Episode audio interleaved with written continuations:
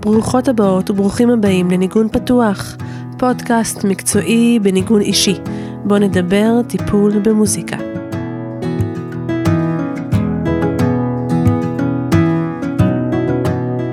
אני אפרת בבקוף ואני תרפיסטית במוזיקה. בכל פרק בפודקאסט הזה נארח מטפלת או מטפל במוזיקה מהשטח. נכיר אוכלוסיות שונות, צורות עבודה, טכניקות, דילמות טיפוליות, ונתבונן בחיבורים שונים שניתן ואפשר לעשות בטיפול במוזיקה.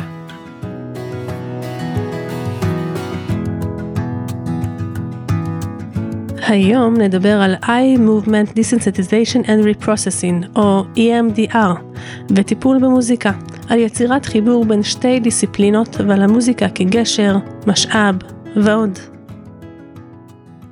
אני שמחה מאוד לארח את ליאור נזר ברמן, מטפלת באמצעות מוזיקה. בעשור האחרון עובדת עם אוכלוסיות מגוונות של ילדים, נוער ובוגרים, עם הנמכה קוגנטיבית, קשיי קשב וריכוז, קשיים רגשיים ועוד.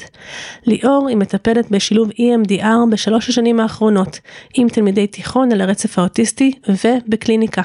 ומשלבת את שני העולמות של טיפול במוזיקה וטיפול EMDR בטיפולים פרטניים וקבוצתיים. חיפאית, בת זוג ואם וברוכה הבאה. כיף להיות פה. אז אנחנו הולכות אה, לדבר על אה, שיטה ששומעים עליה לא מעט, בטח בתקופה הזאתי, mm-hmm. וקוראים לה EMDR, אז אולי קצת תסבירי למאזינות למאזינים, מה זה EMDR? בשמחה, אז זה באמת ככה אה, פסיכותרפיה שנעשתה מאוד מאוד אה, רלוונטית בתקופה האחרונה וככה יותר ויותר שומעים עליה אבל למעשה היא מבוססת כבר מסוף שנות ה-80 אה, אז הגתה אותה דוקטור פרנסין שפירו. ובעצם זו פסיכותרפיה שמבוססת על מודל חשיבה פסיכולוגי שהיא פיתחה שנקרא AIP. Adaptive Information Processing, כלומר זהו מודל של עיבוד מידע ואפשר לומר גם של התפתחות אנושית. כשההנחה המרכזית של המודל היא שהחוויה שלנו מורכבת מכמות אינסופית של מידע חיצוני ופנימי והמידע הזה עובר עיבוד וכך בעצם נוצר זיכרון. אה, ולמעשה לכל מערכת אנושית ישנו חלון סיבולת רגשי שזה בעצם עד כמה אנחנו יכולים להכיל את החוויות האלה שמתרחשות, אה, את המידע הזה שאנחנו מקבלים מבחוץ וגם מבפנים, אם משהו קורה לנו ביום יום, עד כמה אנחנו יכולים לספוג את זה ולהמשיך הלאה. אה, אני אתן דוגמה יומיומית. אתמול אה, לקחתי את הבת שלי הביתה ובאתי לפתוח את ה... היא בת שנתיים כן היא הייתה עליי ובאתי לפתוח את, ה... את הבית והמפתחות נפלו וזה המפתח של אוטו פשוט נשבר לי. עכשיו יש לי חלון סיבולת די רחב אז הכלתי את הדבר אפילו הדחקתי אותו ושמתי את המפתחות ככה בצד עד שאני יכולה אה, להתמודד עם המצב אבל לא נשברתי מזה זה לא הציף אותי ברמות אה, ככה שלא יכולתי לתפקד אחר כך. ולמעשה יש הרבה אנשים שחלון הסיבולת שלהם הוא קטן וכל חוויה כזו מערערת אה, ומחזקת את אצל, אצלהם איזושהי אה, אה, תחושה שהם מכירים לגבי עצמם. אה, ואולי אם הייתי אדם אחר אז חלון הסיבולת הרגשי שלי היה מאותת לי שזה ממש אה, עוד הוכחה לזה שאני לא בסדר, עוד הוכחה לזה שאני שוב פעם פישלתי ושאני לא יכולה לעשות שום דבר כמו שצריך.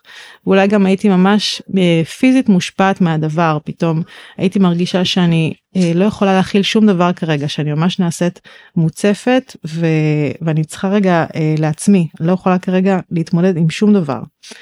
וברגע שיש חלון סיבולת כזה קטן, מנסיבות ככה מסיבות שאני אכנס אליהם עוד מעט אז uh, באמת כדאי בשביל איכות החיים שלנו להרחיב אותו ולראות איך איך אנחנו יכולים ככה לעשות עבודה באמצעות ה-EMDR uh, שהיא גם גופנית וגם מנטלית. עכשיו מה שקורה זה שבתוך רצף הזיכרונות הזה שאותו אנחנו ככה חווינו וחווים ישנם זיכרונות שלא מעובדים או מעובדים חלקית. תדמייני ממש כאילו שקורה לנו משהו ו... נשאר כפצע שלא מגליד עד הסוף. אמ, אם אנחנו מאבדים את הזיכרון עד הסוף, אז בעצם זה נשאר בגדר זיכרון, אין לו השפעה רגשית על החיים שלנו. אבל אם זה משהו שלא מעובד עד הסוף, או מעובד חלקית, זה ממשיך וממשיך להשפיע עלינו. וכל פעם אה, מייצר לנו למידה חדשה שלילית או חיובית. למשל, אם קרה לנו משהו כזה כשהיינו קטנים, ומישהו בא ואמר לנו, אוי, תראה מה עשית, אתה תמיד עושה את זה, תמיד נופלים לך דברים, תמיד אתה מפשל. יכול לקרות לנו משהו כזה כשאנחנו ילדים, ובאופן שבו הסביבה מגיבה, אה, זה יכול להפוך לדבר חיובי שלומדים ממנו משהו שמחזק את התחושה הטובה שלנו לגבי היכולות שלנו להתמודד עם דברים, או להפך, למידה שהיא שלילית, למידה שמייצרת תחושה שאנחנו בעצם לא בסדר. אה, כי הדבר הזה שקורה לנו ממשיך לקרות לנו, ממשיכים אה, לקבל את אותה סוג של תגובה מהסביבה, mm. ואז הלמידה השלילית הזאת היא מתחזקת, ואז באיזשהו מקום במוח שלנו תמיד ברגע שמשהו כזה קורה, ברגע שאנחנו כבר נכנסים לעולם המבוגרים ונופלות לנו, נופלים לנו מפתחות מהידיים, אז אנחנו חוזרים לאותו מקום. זה מה שנקרא טריגר, זה משהו שמפעיל אצלנו את המקום הזה במוח שזוכר, שבעצם אנחנו לא בסדר. אז אנחנו קצת ניכנס לעובי הקורה וננסה להבין יותר איך זה עובד. אה, רק חשוב לי לומר שמי שעושה עבודת EMDR, זה מטפלים שעברו הכשרה מסודרת אה, דרך עמותת EMDR הישראלית. זאת הכשרה לא קצרה ויש לא מעט אה, טיפולים שצריך לעשות עד שמקבלים את ההסמכה הסופית, ואת בשלבים אה, די מתקדמים, ממש ככה לקראת סיום. זה באמת משהו שמצריך הסמכה, גילוי נאות. אני עברתי את ההכשרה שלי EMDR לפני שלוש שנים, שלב אחד ושתיים, ובהמשך גם R-TEP, שזה עוד פרוטוקול לאירועים יותר ברמה מיידית של מצוקה. ועדיין לא סיימתי את ההסמכה, אז בגלל זה הצגתי את עצמי כמטפלת בשילוב EMDR ולא מטפלת EMDR, זה ככה חשוב לדייק. אבל ב-EMDR אנחנו בעצם ככה, דרך העיבוד של האירועים, אנחנו מלמדים את המטופל לזהות את התבניות האלה בחיים שלו, את הדפוסים המוכרים האלה של ההתנהגות שמפריעים לו. משהו קורה, אוי, אני לא בסדר, זה תזכורת שאני לא בסדר. ואנחנו מאבדים אירועים שקשורים לזיכרון, כך שבעצם האירוע הוא לא הדבר, אלא איך שתפסנו אותו.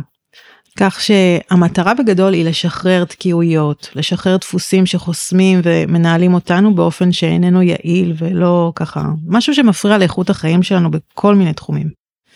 ברגע שאנחנו מפרקים את התבנית הזו למרכיבים שלה ועובדים על הזיכרונות שייצרו אותה, יש לנו אפשרות גם לשנות במירכאות את הזיכרון, את התפיסה של האירוע בעצם. אנחנו לא מוחקים את הזיכרון בשום שלב, הזיכרון נשאר, אבל הוא הופך להיות ממשהו שמפעיל אותנו אה, מזיכרון שהוא רגשי במהותו לזיכרון ניטרלי, זיכרון שלא משפיע עלינו באותו אופן. זה גם יכול להיות זיכרון שבעצם אה, אפילו הפוך, לא רק ניטרלי, אלא גם אנחנו יכולים אה, להפוך אותו ממשהו שהוא שלילי למשהו שהוא דווקא חיובי או מחזק את התפיסה העצמית שלנו. לגמרי, לגמרי. זה, זה חלק ממה שאנחנו עושים בשלב שאנחנו כבר מתקינים את התפיסה החיובית הזאת שהיינו רוצים לזכור מהזיכרון. זה בעצם ככה להתחבר ל...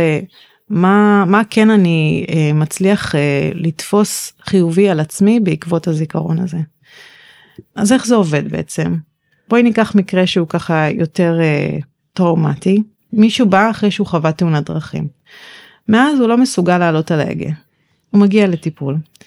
אז כמובן לוקחים אינטק מסודר וביררתי איתו קצת על עצמו, על החיים שלו, על המשאבים שיש בחיים שלו, דברים שעושים לו טוב, דברים שעוזרים לו להירגע, אנשים שעוטפים אותו בטוב.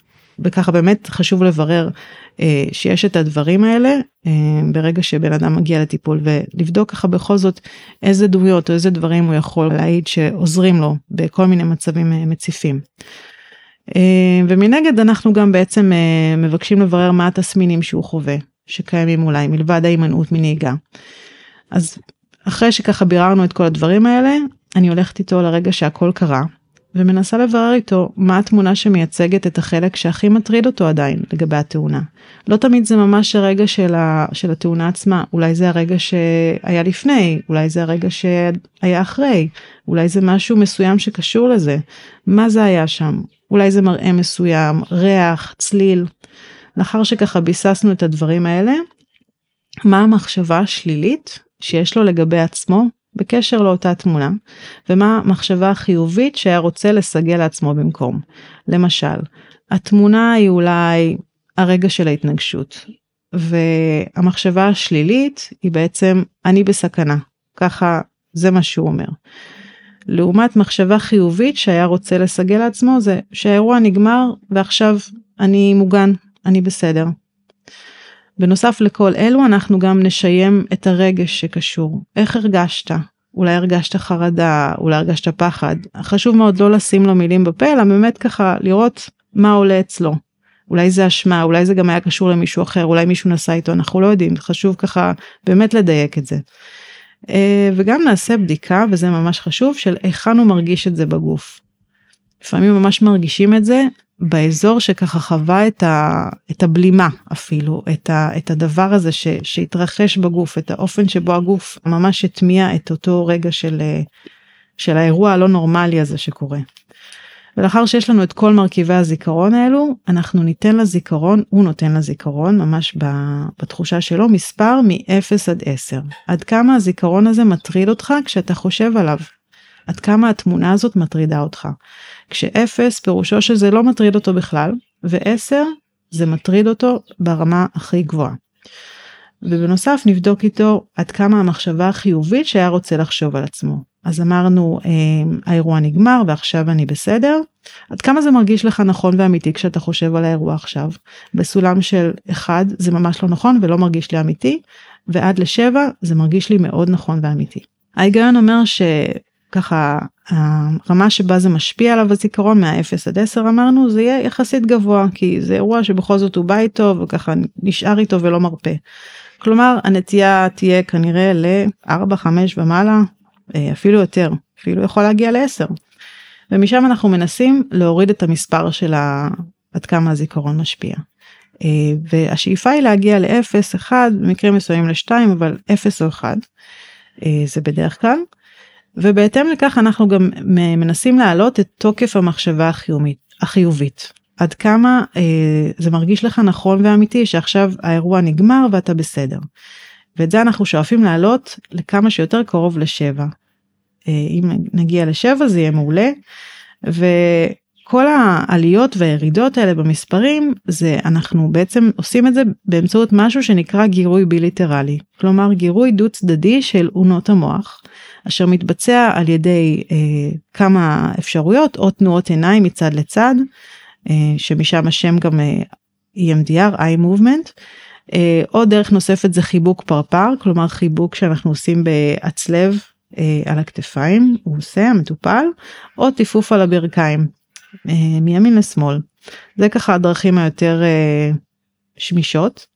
והתהליך הזה של גירוי בילטרלי בעצם יוצר אקטיבציה של שתי עונות המוח ומחזק את הקשרים הסינפטיים, כך שהמידע עשוי לעבור גם בין החלק הרגשי לחלק הוורבלי, ובאופן כללי לייצר תנועה.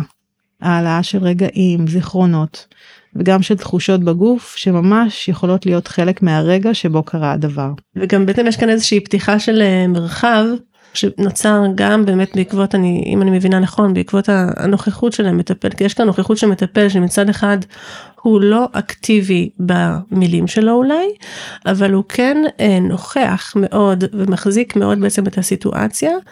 אה, ואת בעצם מה, ש, מה שעולה למטופל בלי בהכרח עכשיו לייצר התערבויות אה, או לעשות חיבורים כי אם נעשה חיבורים למשל המטופל עכשיו בתוך הגירוי הבילטרלי והוא uh, חושב פתאום על אבא שלו ואני אגיד לו אה אבא שלך זה שסיפרתי לי עליו פעם קודמת mm-hmm. זה ישר ישלח אותנו לאיזשהו מקום מאוד מאוד אחר. כן. כלומר יש כאן איזשהו באמת plain אה, כזה זה לוח מאוד מאוד חלק שהוא הכרחי.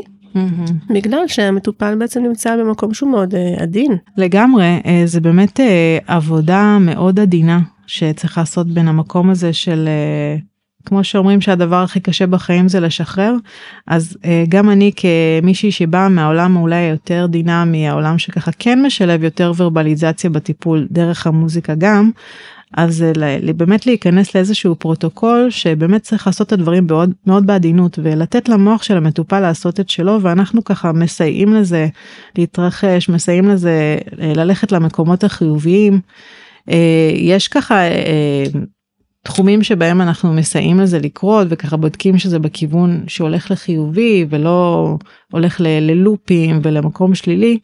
אה, יש גם אה, משהו שנקרא שזירה קוגנטיבית שזה ככה אה, מדי פעם לראות אם זה מתאים לתת למטופל דרך אחרת להסתכל על הדברים ולראות ככה פשוט לשים לב לזה תוך כדי הגירוי בילטרלי.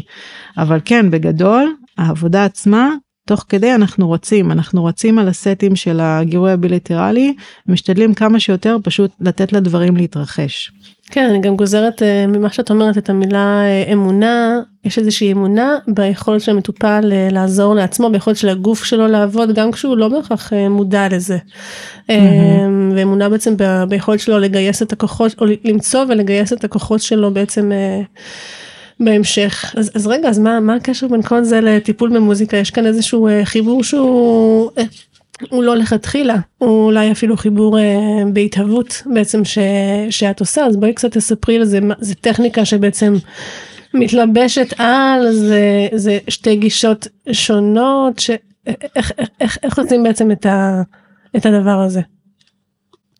אז שאלה יפה, ואני חייבת לומר שאני מרגישה אה, שזה מאוד קשור. אה, קודם כל ממה שאנחנו יודעים, כולנו על מוזיקה שהיא מאוד קשורה אצלנו לזיכרונות. אה, אני חושבת שכולנו מכירים את התחושה הזאת ששומעים שיר מפעם כן מנעורינו ומיד אנחנו חוזרים אחורה במנהרת הזמן לרגעים שהשיר הזה מתקשר אה, אלינו. הפעם הראשונה שאנחנו שמענו אותו ככה כל איך אנחנו הרגשנו זה זה ממש לחזור אחורה ולהתחבר לזיכרון הזה. Uh, בתקופות מסוימות בחיים מוזיקה היא ממש חלק משמעותי בחוויה שלנו בזהות שלנו. והאמת היא שמוזיקה והדרך שבה היא נוכחת אצלנו בתודעה שירים משמעותיים לאורך החיים שלנו זה ממש מזכיר לי uh, את אותו אפקט כמו זיכרון טראומטי. גם שם אתה יכול להיות במצב שמתעורר לו הרגע הזה שמזכיר לך את זה הטריגר מה שנקרא והופ אתה חוזר אחורה לאותו רגע טראומטי כאילו עבר יום ולא 20 שנה. אז במובן הזה אני חושבת שבשני האלמנטים האלה גם המוזיקה וגם טראומה ישנם קשרים חזקים במוח. בנוסף ככה זה ממש מעניין גם לחשוב על, על איך מוזיקה כמשהו שהוא לא תמיד חייב להכניס לשם הרבה מילים כן מאוד דומה לאיך אנחנו אה, יכולים להסתכל על EMDR כמשהו שלפעמים אה, גם אפשר לייצר בו תנועה אה, שלא לא מערבת הרבה מילים. כלומר התחושה הזאתי שלפעמים למטופל עצמו קשה להסביר למה הוא מרגיש ככה או מה שם עורר בו את זה הרגש שלפעמים קשה להסביר אותו ולדייק אותו במילים זה בדיוק המקומות האלה שבעיניי אה, מוזיקה ועבודה עם טראומה יכולים אה, להיפגש ולייצר עבודה אפקטיבית mm. ממש ככה תנועה מעניינת.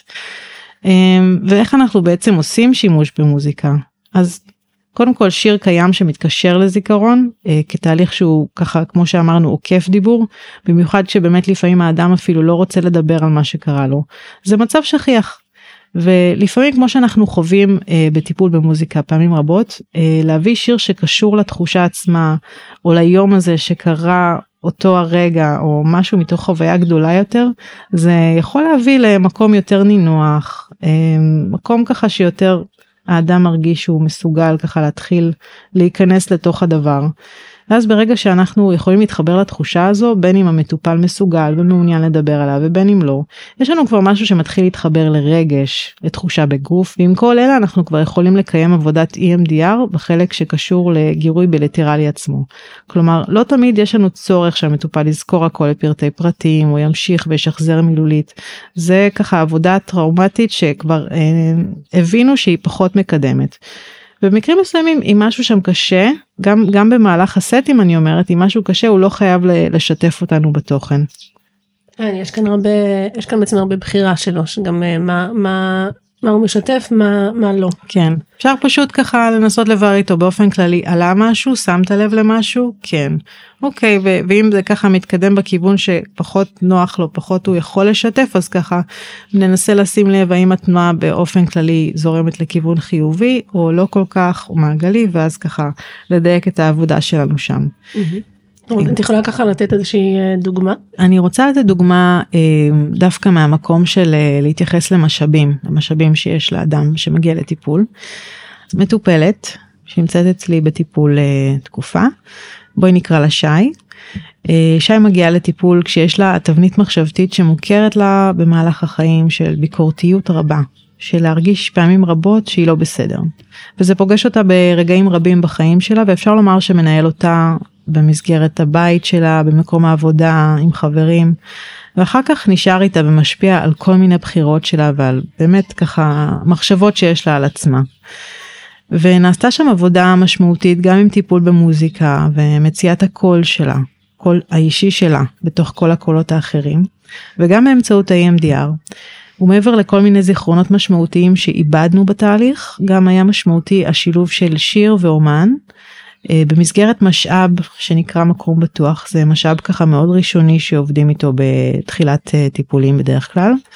וב-EMDR אה, זה מייצג מקום נעים ורגוע, ובפועל מאפשר לאדם להרחיב את אותו חלון סיבולת נפשית שהזכרנו, כשהוא זקוק לכך ברגעים שהוא חש מוצף, גם בטיפול וגם מחוץ לו. אז בעצם כשנעשתה עבודה של ביסוס במקום הבטוח של שי, התחלנו בעצם עם מחשבות שהיה לגבי זמר שהיא מאוד אוהבת, שהחיבור שלה אליו הוא גם חיבור של סיפור החיים שלו, של האופן שבו הוא מדבר אה, בפתיחות על התהליך הרגשי שעבר עליו בשנים האחרונות, ועל האופן שבו הוא מתחבר עם הקהל בהופעות שלו. אז המקום הבטוח היה רגע שהיה לה בהופעה שלו, שמדובר בהופעה בחו"ל, שהיא חיכתה לה המון המון זמן, והיה ברגע הזה משהו שהיא הרגישה בו שייכות. שמי שהיא ומה שהיא זה בסדר גמור, ושהיא מוקפת באנשים שאומנם איננה מכירה, אבל היא עטופה באהבה וקבלה. עכשיו מעבר לכל ה... העניינים המוזיקליים העמומים יותר של לדבר על האומן ועל השירים שלו, אני אוהבת תמיד, וכך גם עשינו פה, מוזיקליות אקטיבית. ובמקרה הזה שי שרה את השיר ואני ליוויתי אותה, וכל זה התחבר לגירוי הביליטרלי של חיבוק פרפר.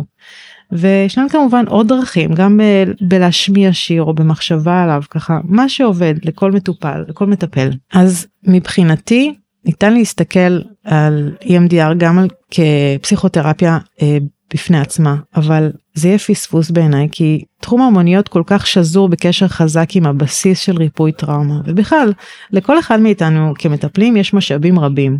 גם למטופלים שלנו יש משאבים רבים שהם יכולים להיעזר בהם, לאוורור הרגשות ביומיום שלהם, וגם במסגרת הטיפול, והרבה פעמים זה באמת משאבים שמגיעים מיצירתיות ומתחום אומנות כזה או אחר. אני נורא מתחברת לזה, כמטפלים במוזיקה יש לנו משאב אה, בפני עצמו, מטפלים באמנויות mm-hmm, בכלל. לגמרי. ויש כאן איזשהו מפגש בעצם שהוא זהותי, ככה אני מרגישה. כלומר, אה, יש כאן אה, התהוות של חיבור, שלפחות ממה שאני מכירה, אין אותו הרבה. יכול להיות שיש, יכול להיות שיש אה, בחו"ל, יכול להיות שיש קצת בארץ, אבל הוא די בתחילת הדרך, אני יכול להיות שעוד אה, חמש עשר שנים אני ואת נדבר וזה כבר יהיה במקום אחר לגמרי, אני מקווה. כן, הלוואי. אה, אבל באמת יש לנו איזו הזדמנות כאן לראות חיבור בהתהוות, ואני מאמינה באופן אישי שזה אלו חיבורים שמאוד כדאי לעשות אותם, כי שוב העולם עולם הטיפול הוא רחב, ויש משהו מיוחד באמת במוזיקה ואיך אנחנו בעצם מחברים אותם. אני בעצם רק רוצה להבין, את בעצם נעזרת במוזיקה כאמצעי עקיף להגעה לזיכרון. למשל ביסוס של הזיכרון בלי להציף את הטראומה חזק מדי, או שימוש במוזיקה כאיזשהו סוג שבעצם אה, משאב בפני עצמו כדי אולי לווסת, כדי אולי אה, להרגיע, או להחזיר לעצמי את התחושה שאני, mm. שאני בסדר, שאני... וואו, זה, זה ממש כל הדברים שאמרת. אני בשאיפה... להנחיל כמה שיותר מוזיקה בכל, בכל שלב של הטיפול EMDR, אבל זה ממש תלוי צורך, תלוי ככה מה, איפה זה מתאים. אבל uh, מבחינתי החלק שהכי חשוב לי זה התחושה עצמה, כי הזיכרון עשוי להיות עדיין מאוד קטוע. ועדיין לי זה לא ישנה, כל עוד זה נעשה החיבור המסוים הזה דרך המוזיקה לתחושה, להרגשה, זה כבר יכול אה, פעמים רבות לחבר את האדם לזיכרון, וגם לרגעים נוספים בחיים שלו שהרגיש ככה. אז יש את החיבור לזיכרון הטראומטי, יש את החיבור למשאבים, אה, יש את החיבור לדבר הזה שקשה לי לבטא במילים. אה, יש כל מיני חיבורים שאפשר לעשות, ויש גם את ה... אה, לשזור את זה ב, ב, בתחילת הטיפול, במשאבים, בסוף הטיפול, במשהו שמאגד, משהו שמקרקע, ככה ממש באותו אופן שבו אנחנו מסתכלים על, על טיפול במוזיקה. פר אקסלנס, ככה על, על הרגעים שבהם אה, זה יכול להתאים וזה יכול לקדם. ומה את עושה במצב שבו זה לא זיכרון אחד אלא שניים או טראומה ממושכת או טראומה אקוטית.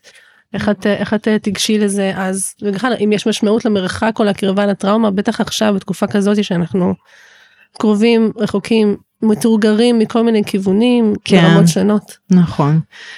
טוב, האמת היא שבמרבית המקרים שאני אה, פוגשת אנשים בקליניקה, אה, יש להם יותר מטראומה אחת.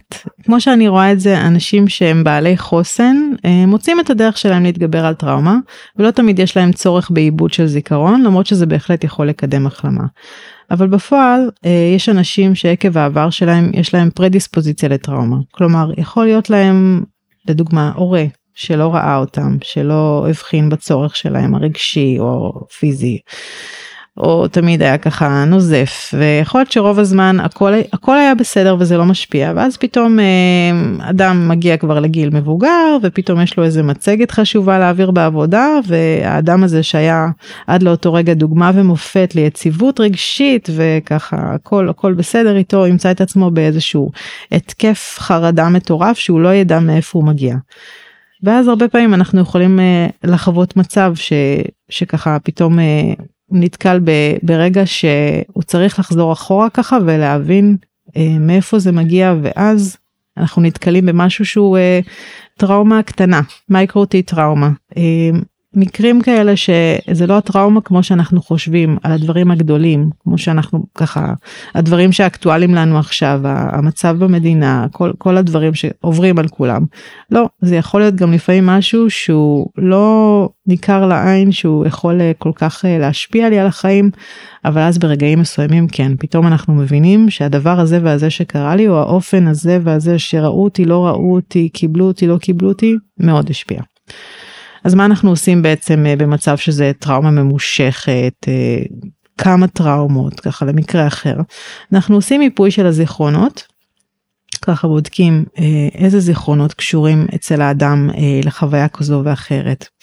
ומגיעים לתיאום ציפיות עם המטופל, כן? שזאת תהיה עבודה ממושכת יותר, שזה לא ייקח ככה ארבעה, חמישה, עשרה מפגשים, זה יכול לקחת יותר. אה, ולאט לאט משלבים יותר אה, את החיזוק, את אה, בניית המשאבים, את החיזוק שלהם לפני העיבוד, אחרי העיבוד. העניין עם ה-EMDR שבבסיס כל הזיכרונות יש ארבעה תמות בעצם. כלומר תחשבי על איזשהו נרטיב שאדם הולך איתו כל החיים. למשל באמת תמיד הרגשתי שלא רואים אותי, תמיד הרגשתי שאסור לי לסמוך על אנשים, תמיד הרגשתי שאני לא בסדר, שאני לא שייך, ואז אנחנו בעצם מתכנסים לארבעה תמות אמ, שהן ככה המרכזיות ולפיהן אנחנו בעצם ממפים ומבינים איך אה, להתמקד בטיפול ביחד עם המטופל. אז ארבעת התמות הן בעצם אה, ביטחון מול סכנה, אה, אחריות מול פעולה, פגימות, שליטה מול חוסר שליטה ושייכות מול חיבור שזה תמה ככה שהשתלבה בהמשך.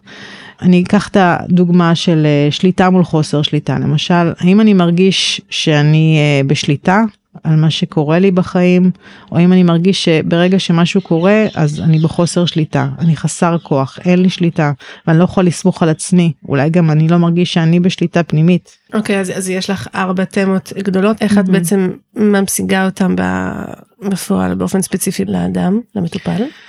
אז בעצם בדרך כלל מתחילים עם איזשהו אירוע שקרה לאחרונה בהווה, שזה היה האירוע שמייצג את הטריגר, את הדבר הזה שמפעיל אותו.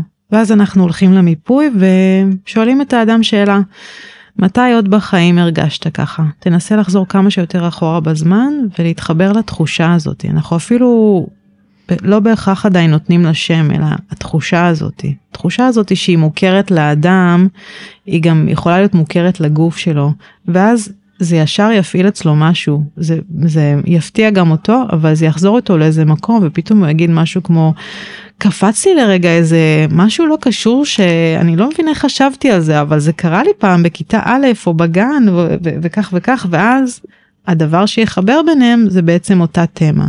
אותה תמה שמתחברת וממפה את הנרטיב שעליו אה, מושתתים רוב הזיכרונות שיש בבסיס שלהם את התחושה הדומה הזו.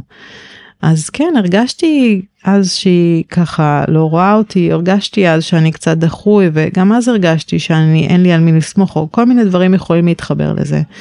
ובעצם גם כשאנחנו עובדים עם אדם שיש לו טראומות, אה, טראומה אחת, או גם אם אנחנו עובדים עם אדם שיש לו טראומות מרובות, על הבסיס של אותה טראומה או טראומות, יש בדרך כלל אה, את אותה תמה שמתבססת שם. אותה תמה שעליה אנחנו מבססים את המיפוי של הטיפול עצמו ואת איך שאנחנו ניגשים לעיבוד של הזיכרונות. ויש כמובן בתוך העולם הרחב של העבודה עם טראומה, גם טראומה פעילה ועכשווית, ויש לה פרוטוקולים סדורים משלה, שכאן אנחנו פחות ניגע בהם. זה נושא בפני עצמו שיש עליו לא מעט הרצאות עכשיו. מעניין אותי להבין האם במה שאת מתארת תמיד זה כל כך ברור, מסודר, או שזה גם יכול להסתעף לכל מיני כיוונים. כמו שהמוח שלנו מלא בהסתעפויות אז גם uh, האופן שבו זה נבנה וככה מתפרש זה יכול להסתעף. בואי ניקח רגע את הדוגמה של התאונת דרכים אוקיי שדיברנו עליה קודם לכן. אז גם במקרה כזה שלכאורה זה מאוד ברור מה הפריע לאדם שם כן הייתה שם הסכנה אבל אז את מגלה שבעצם אותו אדם לא, לא נמנע רק מלעלות על רכב ולנהוג, אלא גם מדברים כמו מעליות וטיסות, ומה משותף לכל הדברים האלה. אז זה גם עניין של סכנה, אבל לפעמים זה יכול להתמזג עם uh, עניין של שליטה. יכול להיות שהיה משהו באותו רגע של תאונה שהנכיח את חוסר השליטה הזה ויצר כזאת טראומה של שההגנות קפצו למעלה ופתאום הן עובדות שעות נוספות וממש מונעות מהאדם לגשת לכל דבר שמתפרש כרגע במוח שלו ובגוף שלו כמוקד לחוסר שליטה. אז שוב נעלה נלך למעלה נתחיל למפות זיכרונות ראשוניים יותר שמתבססים על השאלה הזאת. מתי בחיים שלך הרגשת שאתה לא בשליטה? אז בהתחלה יהיה איזה פער ואז האדם יגיד לך משהו כמו לא לא זכור לי אבל תהיה כבר תהיה לו איזה תמונה בראש או שתיים הם פשוט הוא, הוא יחשוב שהן לא קשורות והוא יכול לשתף ולהגיד טוב זה לא נראה לי קשור וכמובן שבסוף אה, זה מאוד קשור. כן, לא תמיד העבודה היא נראית לעין אבל יש בעצם מדדים ב-EMDR שיכולים לעזור לשקף את, ה, את השיפור שאנחנו בעצם אה, אה, מייחלים לו. אה, שאנחנו בעצם בודקים אחת לכמה זמן. איך, אה, איך תעבדי בעצם עם, עם חרדה למשל EMDR ממה שאני יודעת גם יכול להתאים לעבודה עם חרדה ובכלל, אה, לאו דווקא מטראומה ממשית. תראי כשאנחנו מדברים על כשאנחנו מדברות על חרדה אז מה זה בעצם חרדה. יש לה תמיד מקור מסוים היא בעצם הגנה. החרדה נותנת לאדם אשליה של שליטה אבל היא גם גוזלת ממנו אנרגיה רבה בניסיון הזה ש... שנוצר כדי להגן עליו. ותמיד אנחנו צריכות לשאול מאיפה היא הגיעה, מתי בדרך היא התפתחה וכתוצאה ממה. ובכל המקרים אנחנו נגיע כנראה לאותה תשובה שחרדה התפתחה כתוצאה מטראומה. ושוב לא תמיד אה, האדם יזכור מה המקור שלה מתי זה התחיל אבל הגוף שלו יזכור את התחושה ולכן העבודה עשויה ככה כדאי שהיא תתחיל מהמקום הזה מה שנקרא down top bottom up. I guess. bottom up כלומר להתחיל מהגוף לא תמיד עם, ה, עם המוח זוכר מהמקור. וואו. אמ, אז באמת הזכרת את, ה, את המשאבים שזה מילה טוב בכלל זה מילה שאנחנו שומעים הרבה mm-hmm. לאחרונה לא רק בהקשר של EMDR כי כן. כולנו זקוקים למשאבים. אמ, את יכולה קצת ככה לפרט אה, יותר על, על מה, מה המשמעויות של זה מה זה בעצם משאבים ב-EMDR? אז אה, בעצם כשאנחנו מדברות וחושבות על משאבים הכוחות שיש לאדם בין אם מדובר בכוחות פנימיים שיש לו תכונות אופי ערכים חוויות חיוביות שהוא נושא איתו של הצלחה של היכולת שלו להתמודד של חוסן ומשאבים חיצוניים אה, חברים עיסוקים תחומי עניין אה, דברים שמרגיעים אותו דברים שככה תשוקות שיש לו את כל אלו אנחנו מנסים לאתר כאמור כבר במפגש היכרות אה, בכדי לוודא שיש לאדם למי לפנות כשהוא מוצף בין המפגשים ושכמובן יהיה מי שיוכל להחזיק ולהכיל את זה ביחד איתו. ובכלל שיש לו דברים שמחזקים אותו מעצימים אותו ומסייעים לו לבטא ולפרוק את הרגשות שלו. ועם כל אחד מהמשאבים אנחנו יכולות גם להיעזר במהלך הטיפול באמצעים אומנותיים שונים או פשוט ככה במשהו שנקרא אה, שזירה קוגנטיבית. הזכרנו את זה לפני כן, כן. כן. שבואי תסבירי לזה קצת יותר. בשמחה. אז זה כבר אה, אזורים שאני כמטפלת מרגישה שכדאי לנסות להתבונן בזיכרון מנקודת מבט אחרת. אה, ויש הרבה סוגים של זירות קוגנטיביות אז אני אנסה להסביר איך זה קשור למשאבים. למשל אם יש מישהו שציור ממש מרגיע אותו אז מעבר לעבודה עם אומנות אחרי כל סט אני יכולה לנסות ולעזור לו אם יש משהו שתקוע שם שהזיכרון נשאר בלופ של רגשות שליליים של האשמה עצמית. אני יכולה לשאול אותו למשל מה היית מצייר בזיכרון הזה? מה היה עוזר לך? שים לב לזה, ואז אנחנו בעצם ממשיכים לעוד סט של גירוי בליטרלי. והוא לא צריך לחשוב על uh, התשובה ולענות לי אלא פשוט להיעזר במשאב הזה בשאלה ככה ולאן זה לוקח אותו וככה זה קרוב לוודאי משאב שמרגיע אותו, משמח אותו, זה נכנס לתוך הזיכרון ומשמש כמעין תזכורת מההווה שלו לדברים שהוא כן חש אותם כחיוביים, אולי אפילו כהצלחות, אולי ככה כל דבר שמחזק לו את המקום הזה. אז איך שאני רואה את זה המצב האידיאלי שאני שואפת לאט לאט להגיע אליו במסגרת העבודה שלי כמטפלת של גם וגם זה לשלב את ה-EMDR לאורך כל התהליך בין אם זה בשלבי ההיסטוריה לקיחת ההיסטוריה הרקע של אדם לבין. לשאול על המקומות האלה של המוזיקה בחיים שלו, על ה... מה, מה זה מוזיקה בשבילו, איזה מוזיקה הוא אוהב, איזה שירים מרגיעים אותו, איזה שירים הוא שומע כשהוא אה, עצבני, זה המון המון מידע שאפשר לעשות בו שימוש. וגם בהמשך אפשר לשלב מוזיקה שמרגיעה אותו, כדרך לסייע לו להתחבר למקום הבטוח, או שיר מסוים שממש משמש כמקום בטוח אני בטוחה שלכל אחד מאיתנו יש כזה שיר אבל באופן כזה שהמטופל כבר יוכל בהמשך לדמיין את השיר הזה מתנגן כשיהיה לו צורך בכך. חשוב להגיד שהעבודה של הבן לבין היא חשובה ב-EMDR בעיניי לא פחות מה, מהמפגשים הטיפוליים עצמם ככה הדבר הזה שהוא יכול לקחת ולהתערם ממנו בבין לבין ופה שימוש בשירים קיימים הוא אידיאלי.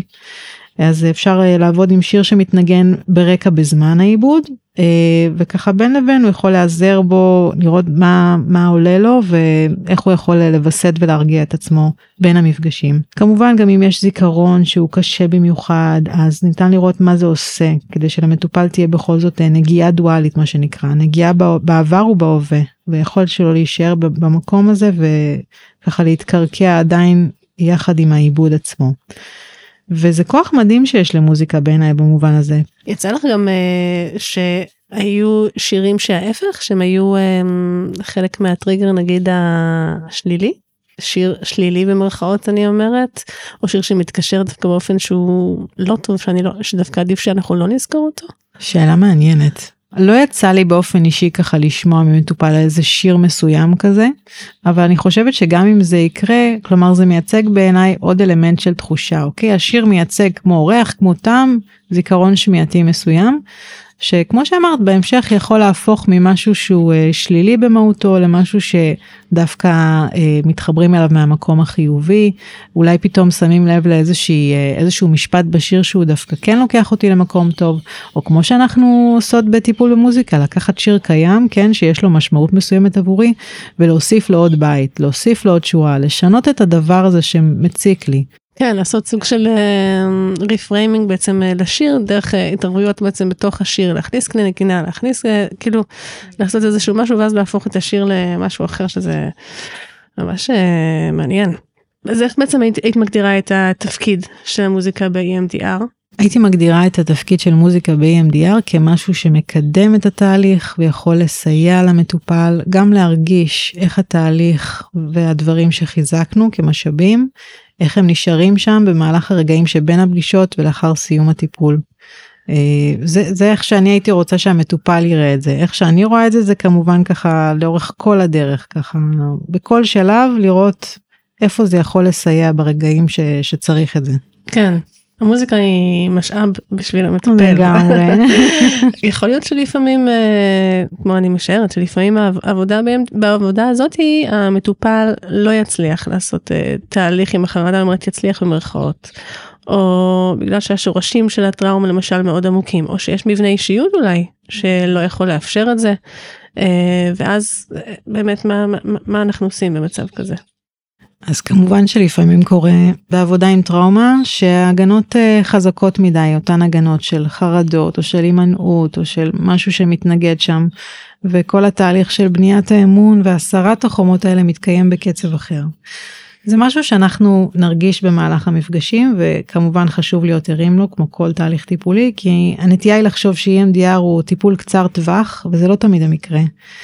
ופה אנחנו נכנסות כבר לנישה מסוימת של EMDR שהוא יותר uh, attachment focused מבוסס התקשרות וככה כל הבסיס ההתקשרותי שאיתו מגיע המטופל שלפעמים uh, ככה מה לעשות חווה בחיים שלו טראומות רבות ומתמשכות ובעצם הם מתאימים להגדרה של אה, אנשים עם פוסט טראומה מורכבת שפעמים רבות ייקח לנו תהליך משמעותי יותר של הצורך באמון להסיר את ההגנות אנחנו נעזר תוך כדי בהמון משאבים גם לפני גם אחרי ונהיה יותר בתשומת לב להלך הרוח לצורך הזה באיזון בפסיכו אדוקציה ובעיקר פשוט חשוב להגיע להבנה משותפת עם המטופל שזה תהליך ודווקא ישנו כוח במקרה הזה בקצב האיטי שמאפשר לכל ההוויה של האדם להסתגל לחשיבה אחרת על עצמו. להכיל את הנינוחות, את הרוגע, זה לא דבר שהם בהכרח רגילים אליו. גם דברים שאנחנו מדמיינים תמיד כסופר מרגיעים כמו נשימות כאלה ואחרות יכולות ממש לעשות אפקט הפוך דווקא מקומות שבהם יש רמז שאפשר להוריד את הדריכות ככה להיות בנינוחות זה נחווה עבורם כמאיים מאוד אז חשוב מאוד לדעת איך להתנהל עם זה עם המון המון מודעות וקשיבות. כן וגם אה, איזושהי סקרנות ואולי אה, הנחה בסיסית.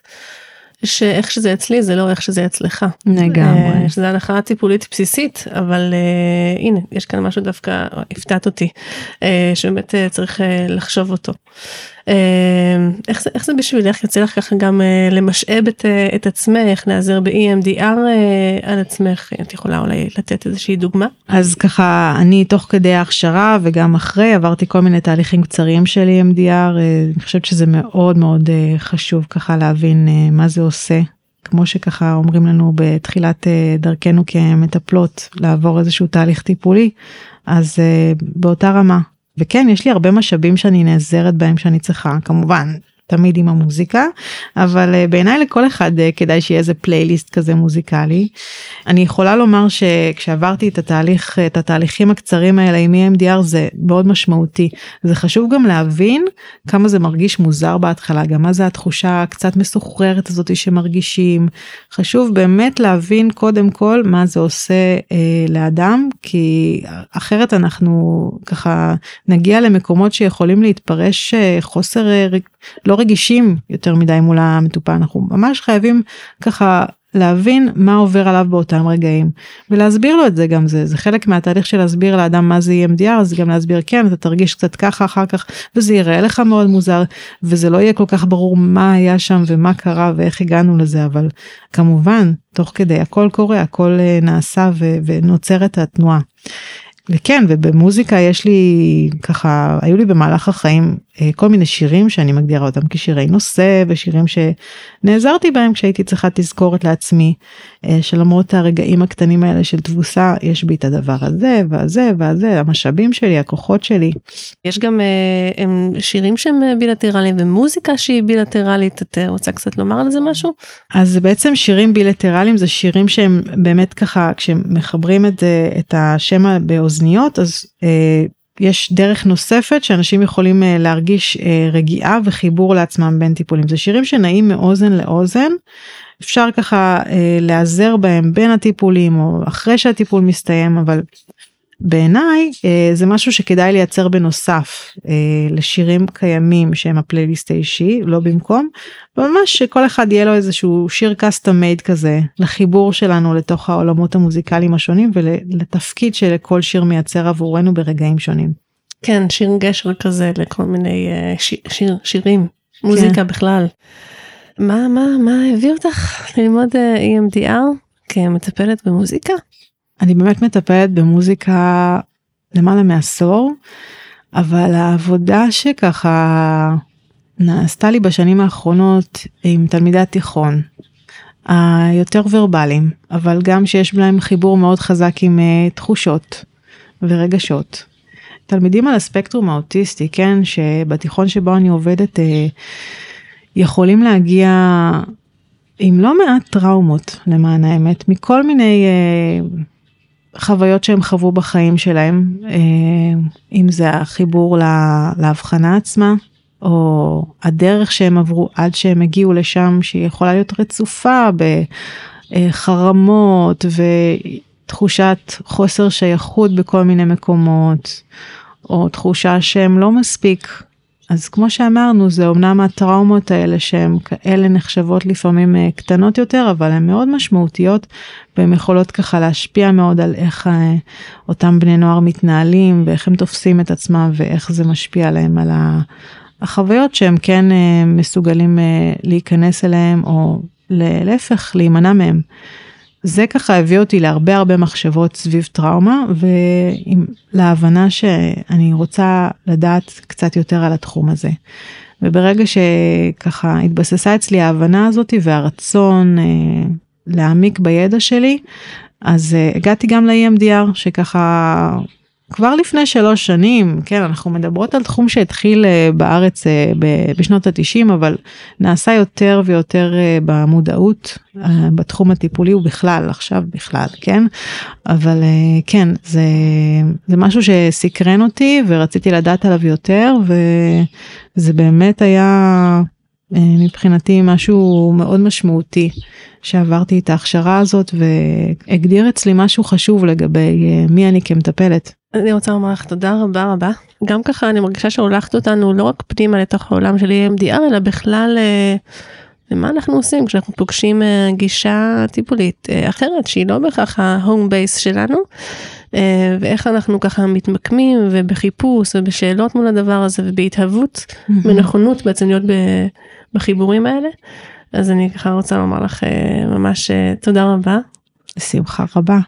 אני, אני ממש מתחברת לזה, אני חושבת שככה, גם אני כשחשבתי על הלימודים האלה, זה היה לי לרגע איזה התלבטות ושאלה כזאת גדולה של, רגע, אבל מה יהיה עם הטיפול במוזיקה? אני, אני לא רוצה שזה יתמסמס, אני, אני רוצה למצוא את הדרך לחבר ביניהם ואני רוצה לעודד מפה את כל המטפלים והמטפלות במוזיקה. לעשות את החיבורים האלה כי יש לנו את הכוחות האלה יש לנו משאב אדיר של המוזיקה המוזיקה זה הרי זה המון דברים וכל אחד יש לו את הדרך שלו שבה הוא מטפל ו, ו, ופשוט תלכו ותעמיקו את הידע שלכם ותפיצו את המתנה שלכם לכל עבר. אני גם חשוב לי ממש לומר תודה למדריכה שסייעה לי ב, בידע שככה הבאתי לפה אה, לנעמה סגל בלינדר תודה רבה. מטפלת EMDR, מטפלת EMDR ודרמה תרפיסטית יש לציין ככה גם. עוד חיבור אה, כן. ממש מיוחד. אה, אנחנו ממש לקראת לקראת של הסיום אני רוצה לשאול אותך כמה שאלות אה, קצרות. אוקיי. ככה לענות. סבבה. מהבטן. כלי הנגינה האהוב עלייך. אני ממש אוהבת את הצליל של צ'לו למרות שבחיים אני לא יודע לנגן עליו כנראה. זמר או זמרת או להקה שאהובים עלייך. וואו, את באמת את שואלת כל מטפלת במוזיקה מה הזמר זמר זה זה כל כך קשה. נכון אז בוא נגיד נגדיר היום. היום? אמ, היום עולה לי בראש ג'ף בקלי. וואי. כן.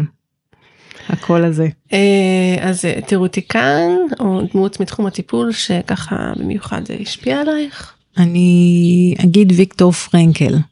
אני חושבת שכל החיבור שלו לעניין של משמעות שאדם אה, ככה צריך אה, לייצר ולמצוא בעצמו ו- וכמה זה עשוי להשפיע לו לטובה על החיים ועל הסובבים אותו זה משהו שהולך איתי הרבה שנים. אה, ספר מתחום הטיפול או בכלל שקראת לאחרונה? זהו מה, מה זה לקרוא ספר מחוץ לתחום אני לא מגיעה לזה אני אני אפילו לא מגיעה ללקרוא ספרים אני שומעת אותם בספרי שמע. עוד, כן. עוד יבוק זה קביל. במהירות. אז אה, אז כן אז הספר שאני קוראת עכשיו הוא ממש ממש אה, טוב ומומלץ אה, הוא נקרא Trauma and Expressive Arts Therapy. רלוונטי ביותר. מאוד מאוד מעניין. אה, משפט אה, משיר או שיר שככה הולך איתך. כן אז אה, יש כמובן מיליון אבל מה שצץ לי כרגע בראש זה מתוך שיר של מתי כספי שיר שאני מאוד אוהבת שעוד תראי את סוף הדרך תסתכלי אל הנרחק תסתכלי אל כל הדרך כולה וזה ממש ככה על ה... על המסע שלנו, על התהליך שלנו ועל uh, לראות עכשיו בהווה, uh, ברגע שהוא לפעמים קשה, את, ה, את ההמשך שיהיה מואר וטוב יותר, ואמן אמן. מה שנקרא. לגמרי, לגמרי איתך. אה, אני ממש רוצה להודות לך ואנחנו נסיים בקטע שהוא בעצם, אה, אה, נסיים בקטע שהוא הצליל שלך, את רוצה לומר על זה משהו? על מה שנשמע? אז כן, אז זה שיר שנקרא צליל שכתבתי אותו לפני לא יודעת 17 שנה בערך. הרגשתי שהשיר פשוט יוצא ממני החוצה שזה תהליך שלא תמיד הרגשתי אותו כשכתבתי שיר אבל משהו בשיר הזה פשוט יצא ממני החוצה ברמה ש... לרגעים חשבתי שאני עושה העתקה, ממש הייתי צריכה ללכת למשפטים מסוימים שכתבתי ולחפש אם לא גנבתי את זה ממישהו, ולא גנבתי את זה מאף אחד, כן, אבל, אבל זה ממש הרגיש ככה, כאילו מאיפה זה בא ולמה חשבתי על זה, ויש שם כל מיני חיבורים על תווים משויפים שככה תשמעו בהמשך. אה, וזה שיר שממש אה, מרגיש לי אני ומה שאני אה, מביאה. ו... מה זה טיפול במוזיקה בשבילי, וגם ככה מה זה החיבור הזה למשאבים ולמקומות טובים שיוצאים ככה ממקומות אה, פחות, וללכת קדימה בדרך המוזיקלית והטובה הזו.